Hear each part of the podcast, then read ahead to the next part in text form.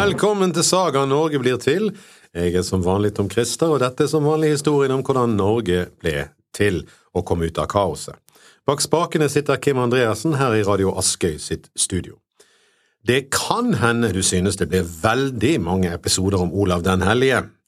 Det kan jeg være enig med deg i, men det er fordi denne rex perpetum norvegica, Norges evige konge, er så viktig for sagaskriverne og for norgeshistorien, og dermed er historiene mange. Han er også viktig på en annen måte. Det er han som befester sentralmakten i Norge. Lovverket moderniseres, kristenretten etableres, mynter slås, landet samles under én kirke. Kirker bygges som symbol på religion, men også staten. Landet samles igjen etter en periode med oppdeling i regioner, med forskjellige nominelle utenlandske herskere og reelle lokale jarler som hadde den faktiske makten.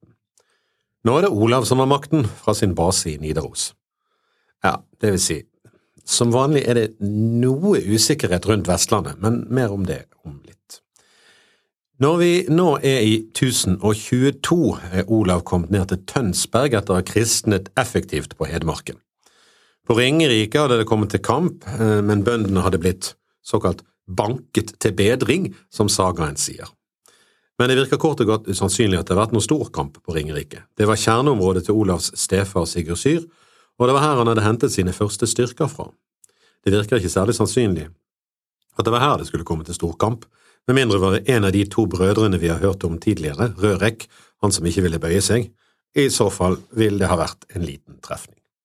For Olav er det nå slik at han tenker å dra opp langs Vestlandet og hjem til Trøndelag med båt eller skip, eller langskip, alt etter sånn. Men før det tar han turen ned til elv eller Gjøtaelv for å sjekke ståa. Og der dukker det opp en gammel kjenning. Gode, gamle Einar Tambarskjelvet. Du vet, han med buen og bresten, han som slåss mot Olav ved Nesjar. Han har holdt seg hos svenskekongen siden det slaget, men nå er svenskeknugen død, eller i alle fall har hans sønn overtatt, så nå vil Einar hjem igjen. Eh, det er jo sånn at det er ikke helt sånn uten videre å tilgi en mann som har forsøkt å drepe deg i kamp, men som så mange ganger før, nå gjøres det forlik. Det kan synes noe risikofylt, men Olav gjør altså forlik med Einar, og han får dra hjem til konens gårder i Trøndelag. Uten at Olav setter noen vakter med han, så her stoler man på folk. For Olav, han vil, som kjent, ta sjøveien. Dermed sender han bud til Agder, Rogaland og Hordaland at ingen må selge korn. Hvorfor det? Da det er muligens fordi han sjøl skal på Veitsle der og trenger øl og korn, men på samme tid så er det tre dårlige korner nord i landet, og dette forbudet gjør det vanskelig for hålogalendingene. Og det kan kanskje være noe av grunnen. Forbudet skal i hvert fall sette i gang en sommerfugleffekt som fører til ny konflikt med Erling Skjalgsson, Rygakongen, og peker fram mot Stiklestad av omveier og Tore Hund. Dette er litt innfløkt, så heng med. Asbjørn heter en mann fra Hålogaland, som er kristen, men holder oppe sin fars tradisjon med tre gilder hver vinter, som tidligere var blot og nå er gilder, vel, vel. Men nå begynner det å bli vanskelig å få såkorn og malt til ølbrygging. Denne Asbjørn er i nær familie med Tore Hund og Erling Skjalgsson. Med andre ord, en mann som i seg sjøl ikke er høyest på rangstigen, men med datidens æresbegrep lett kan utløse en storm av full styrke om noen skulle skade han. Da vil hans frender, Tore Hund og Erling Skjalgsson, være forpliktet til å rette opp skaden. Og de frendene er ikke å spøke med. Asbjørn kjenner ikke til korneksportforbudet fra Vestlandet, så han reiser sørover for å, vel, kjøpe korn. Ved det strategiske punktet Karmsundet, Avaldsnes, har Olav plassert en problematisk skikkelse kalt Seltore. Seltore er trellbåren, og det gir utfordringer i møte med stormenn. Det er nok kanskje derfor Olav har plassert han der, for, en, for, å ha en som ikke har frendskap og vennskap med stormennene, og som kan skape uro for Erling Skjalgsson. Olav har tidligere forsøkt å plassere en frende av Erling i Sør-Hordaland, men det gikk dårlig. Ingen tok ham alvorlig i forhold til Erling. Dette vet ikke Asbjørn så mye om, der han seiler sørover. Som de fleste andre må han legge til ved Karmsund. Til uhell for han selv, Seltore, Erling Skjalgsson, Olav og Norge, og ikke minst Torunn, treffer han på Seltore og spør intetanende om han kan få kjøpe korn. Seltore leser han teksten og gir han klar beskjed, korn får du ikke kjøpt her eller andre steder, så reis hjem igjen, Håling, det er best for deg.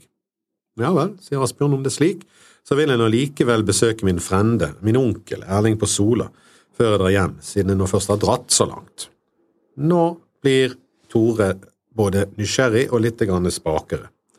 Hvor nær frende er du egentlig til Erling? Min mor er hans søster. Asbjørn er altså nevøen til Erling.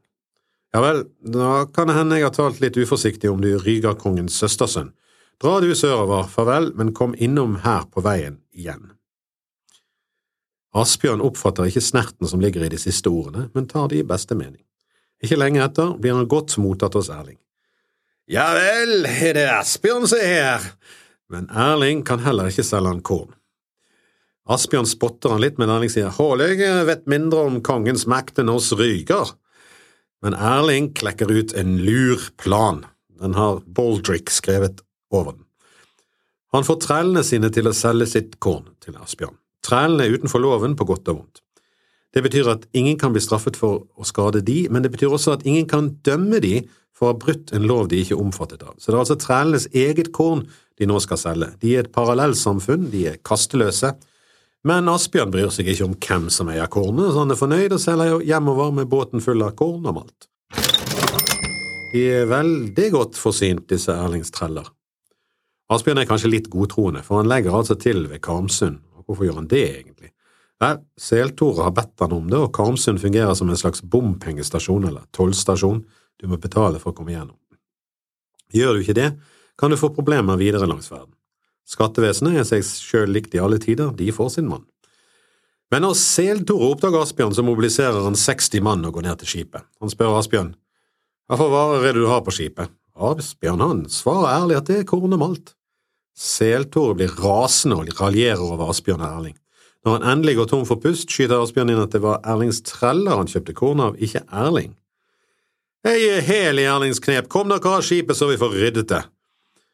Asbjørn ser at de har ikke noe å stille opp mot tre ganger så mange menn, og går slukøret av skipet, mens Tores menn tar med seg alt som er om bord. Når skipet er tomt og Asbjørn tror det er over, kommer småligheten til Seltore til syne. Det er et veldig godt seil de har, Håløyingene. Ta det ned, og bytt ut med et av byrdingseilene våre. En byrding var et frakteskip med høye bord. Slett ikke noe godt bytte, snarere en rein fornærmelse. En understreking av at det var Sel-Tore som hadde overmakten her nå. Det seilranet skal koste dyrt etter hvert. Asbjørn drar hjemover ganske nedtrykt, som vi kan forstå. Han er lei seg, han må avlyse gildene han har holdt oppe siden faren døde, og som faren har holdt i alle år. Han føler han sviker faren sin nå.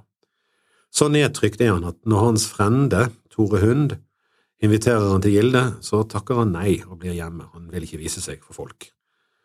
Det er altså Tore Hund som inviterer, men om du leser kongesagaene, kan du bli helt forvirret og tro at det er Sel-Tore som inviterer. Snorre tar det for gitt at alle skjønner hvilken Tore det er snakk om til enhver tid, så han snakker i hele dette avsnittet om Tore, men det er forskjellige Torer. Men altså, Tore Hund blir ikke så lite fornærmet av at Asbjørn ikke kommer, og begynner på godt norsk å slenge litt dritt.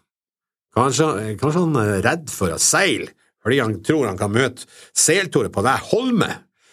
Dette er alvorlig, en slik fornærmelse kan ikke forstå. Tore Hund er hans onkel, Asbjørn må gjøre noe for å gjenopprette sin ære.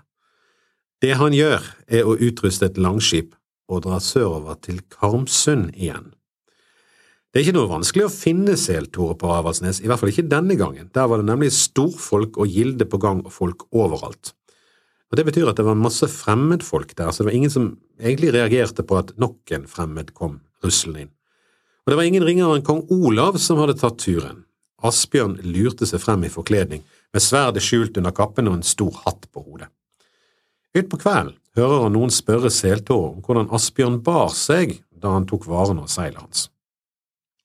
Han bar seg noenlunde, dog ikke vel da vi ryddet skipet, men da vi tok seilet fram, da gråt han, sier Selstore mens han tar et godt tak i beltet. Det siste er løgn, og bringer ytterligere skam over Asbjørn. Men når Asbjørn hører dette, da klikker det for ham. Dette tåler han ikke. Han bare drar fram sverdet under kjortelen og hugger hodet av Seltore i en sving. Midt inne i gildesalen. Slik får han navnet Asbjørn Selsbane. Hm, Selsbane. Hodet faller på bordet foran kongen og ruller mot han. Kroppen faller på kongens føtter, og blodet spruter utover bordet og duken. Ja, og, kongen, da. Ja ja, modig er han Asbjørn Selsbane, men så smart eller taktisk kan ingen beskylde han for å være. Erling Skjalgssons sønn er til stede, han heter originalt nok Skjalg Erlingsson. Han skjønner hvem dette er, det er hans fetter, Asbjørn, og han tilbyr straks å betale bøter for han. Men kongen er rasende. Er ikke dette dødssak å bryte påskefreden? Dette skjedde i påsken. Er det ikke dobbeltdødssak at han dreper i kongens herberge? Og er det ikke trippeldødssak at han bruker mine bein som huggestabbe? Og om du enn er meget verd, Skjalg, så vil jeg ikke for din skyld bryte loven og legge den kongelige heder vekk. Skjalg skjønner det, og drar straks bort med de mennene han har med seg. På vei ut ber han en av kongens menn, Toraren Njedjolfsønn, å sørge for at Asbjørn ikke blir drept før søndag. Og Det er altså noen dager seinere, og han sier at om han vil ha hans vennskap, så må han sørge for at han ikke blir drept før det. Skjalg tar beine veien hjem til pappa og forklarer situasjonen. Mens han er der, lurer Olav på hva som har skjedd med morderen. Toreren sier øh, Han har plutselig fått ansvar for denne mannen. Sier at det går jo ikke an å drepe folk om natten, det er jo kjent som mord. Sett ham i lenke og drep ham i morgen, sier Olav. Dagen etter høymesse spør kongen om det ikke nå er på tide å henge Asbjørn. Toreren treger igjen. Det ikke bedre å vente til i morgen, da er det, da er det hverdag. Greit, sier Olav, men da er det ditt hode om han rømmer. Neste dag, når kongen er ferdig med måltidet sånn midt på dagen, så er det ingen bønn. Nå skal Asbjørn avrettes. Men plutselig klinger kirkeklokkene til helg. Det er jo ikke helg, men toreren har bestukket en prest, og han ringer til helg midt i uken. Nå går han fram til kongen og sier Grid skal vel mannen ha til helgen er over. Olav sier oppgitt nå vil jeg ikke ha mer med denne saken å gjøre, men Asbjørn får altså leve en dag til. I mellomtiden har Skjalg og Erling Skjalgsson tatt affære. Denne søndagen, når Asbjørn skal drepes, dukker de plutselig opp på Avaldsnes med 1500 mann i følge. Erling har mobilisert. Hvor lurt det egentlig er, har blitt diskutert i tusen år, men når Olav kommer ut døren fra kirken, så stirrer han i øynene på 1500 fullbevæpnede ryger i manngard på hver sin side av veien fra kirken. Det kan skremme enhver, selv i dag, og i hvert fall i 1026. Olav må gå langs denne manngarden fram til et hus der Erling Skjalgsson har slått seg til. Erling bøyer og hilser kongen. Møtet blir alt annet enn hjertelig, som du kan skjønne. Kongen føler seg fanget og er redd for at Erling nå har tenkt å ta hele makten ved å bruke de 1500 mennene, spydene, skjoldene og sverdene som står rundt ham. Men Erling har ikke noe ønske om det, han vil bare redde sin nevø, og det skal det sies. Helt fra Olav Tryggvason ga Erling den makten han har, har han hele tiden holdt på det at han ikke vil være mer enn en høvding i sitt område. Og det holder han på hele veien, så han følger reglene for å være det. Men med 1500 mann så har han gode kort på hånden denne gangen. Olav, han derimot, blir frustrert, stresset og sint. Begge de store mennene hisser hverandre opp, kongen vil ikke gi seg, og Erling når ikke fram med argumentene sine. Til slutt får biskop Olav til å ta til vettet, og biskopen går imellom. Han har som biskoper flest på ingen måte lyst å møte sin skaper for tidlig. De avtaler at Asbjørn skal få grid, men kongen skal bestemme betingelsene. Erling drar nå bort med sine 1500 menn. De er ikke så langt unna, så kongen må holde sine lovnader. Og så gjør kongen noe merkelig. Som straff utnevner han Asbjørn til å ta over for Seltore som hans mann på Avaldsnes, altså hans bompengevakt ved Karmsundet. Asbjørn aksepterer, det må han jo, men ber om å få dra hjem og bringe sitt bo og sin gård i orden der. Det får han. For oss høres jo egentlig dette ut som om Asbjørn har fått en stor gevinst, men det er fordi vi ikke helt forstår datidens verdier.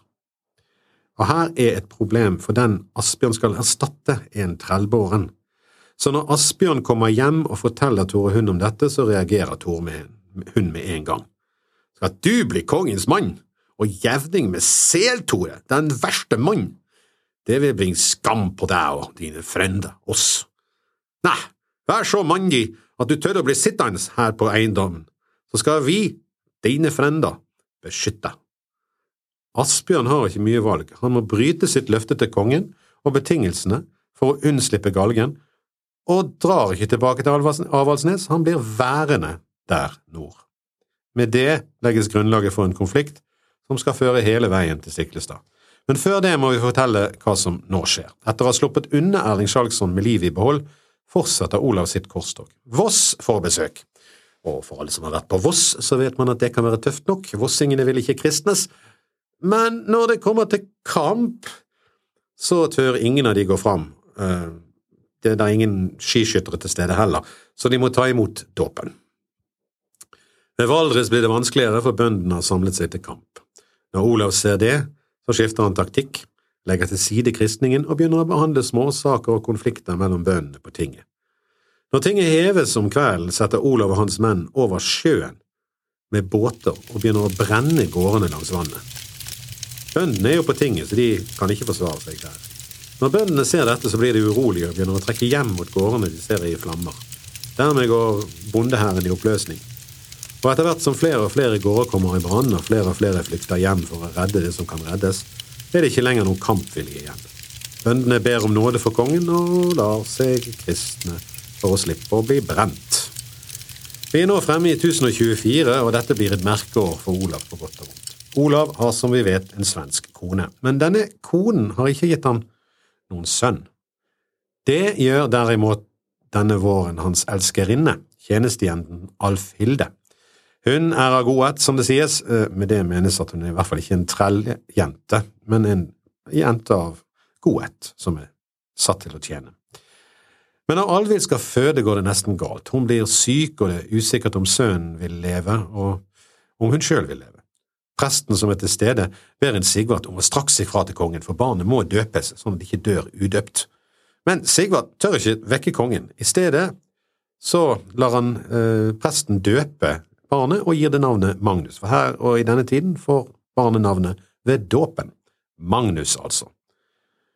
Kongen er ikke særlig blid når han våkner og får høre om det.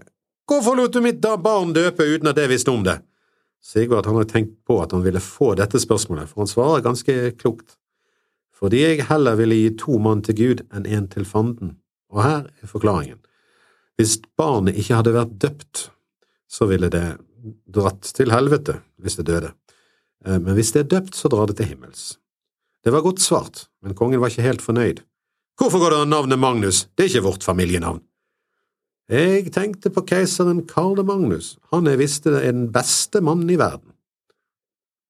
Hm, Olav blir litt tankefull, og så sier han, du er en stor lykkemann, Sigvart, det er ikke underlig at lykke følger med visdom, men underlig er det at den lykke følger uvise menn, og at uvettige råd vender seg til lykke. Etter Sigvards forklaring er kongen storfornøyd, og det er det all grunn til å være, for gutten skal vokse opp til å bli en av bare to norske konger med tilnavnet Den gode for barnet levde og vokste seg sterkt. Men det skjedde mer denne våren. Oppe i nord klarer en av to brødre med ambisjoner om å bli en del av Olavs hird å drepe tidligere nevnte Asbjørn Selsbane. Du vet han som drepte Seltore, og derfor heter Selsbane. De kommer på han da, han seiler, da de seiler forbi han i et sund. Han har på seg en blå skjorte, og den ene broren sier Jeg skal nok klare å farge den skjorten rød. Uten forvarsel kaster han så spydet, som treffer, går tvers gjennom Asbjørn og dreper ham, og farger skjorten rød. Spydet blir siden kalt Selshevneren. Asbjørns kone er med rette og helt naturlig veldig lite glad, nærmest rasende, vel, hun er rasende, og hun vet hvem hun skal skylde på, hvem hun mener har skylden for dette her. Hun skylder på Tore Hund, for at han fikk overtalt Asbjørn til å bryte kongens dom, og dermed satte seg i fare for å bli drept på denne måten. Hun utfordrer Tore. Du skal være hvermanns niding om du ikke hevner Asbjørn! Utropstegn, utropstegn, utropstegn. Tore blir så truffet av de ordene, han føler seg rett og slett skyldig, at han ikke klarer å svare.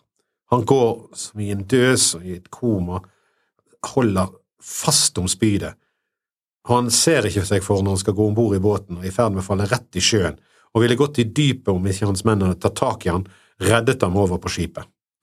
Hadde de ikke grepet inn der, ville norgeshistorien fått et ganske annet forløp. Men det kommer snart frem hva som har skjedd da Asbjørn ble drept, for de to brødrene drar til kongen, og der forteller de gladelig videre hva som har skjedd.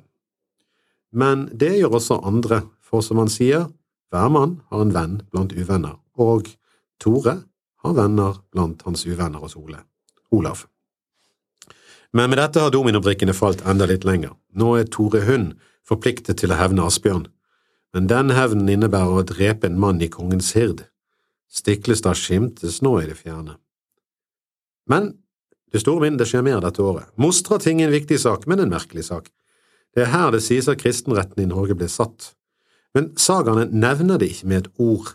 Der er en referanse til Moster og det som ble bestemt der, men ingen forteller når det skjedde, og følger du liksom tidslinjen i sagaen, så skal det ha skjedd mye før. Men, om, men, noen har bestemt at det var i 1024. Det er en egen historie som vi skal komme tilbake til, eh, og kanskje få høre hvorfor det. Men nå skal vi si takk for denne gang. Dette var episode 54, Asbjørn Selsbane. Vi tar med et vers fra Håvamål, vi er kommet til vers 15, og dette er en melding til den kongssønn Magnus som nå er født. Klok og tagal skal kongssønn være. Frøklegt ganger han fram. Glad vær og fjåg, hvar Gud skal svive til sin døyan dag. Klok og stille skal kongesønnen være, sterk og stor går han fram, lystig og glad skal han gå rundt alle sine dager. Jeg er Tom Christer, og dette var episode av episode 54 av Saga Norge blir til, og Kim Andreassen har satt bak spakene.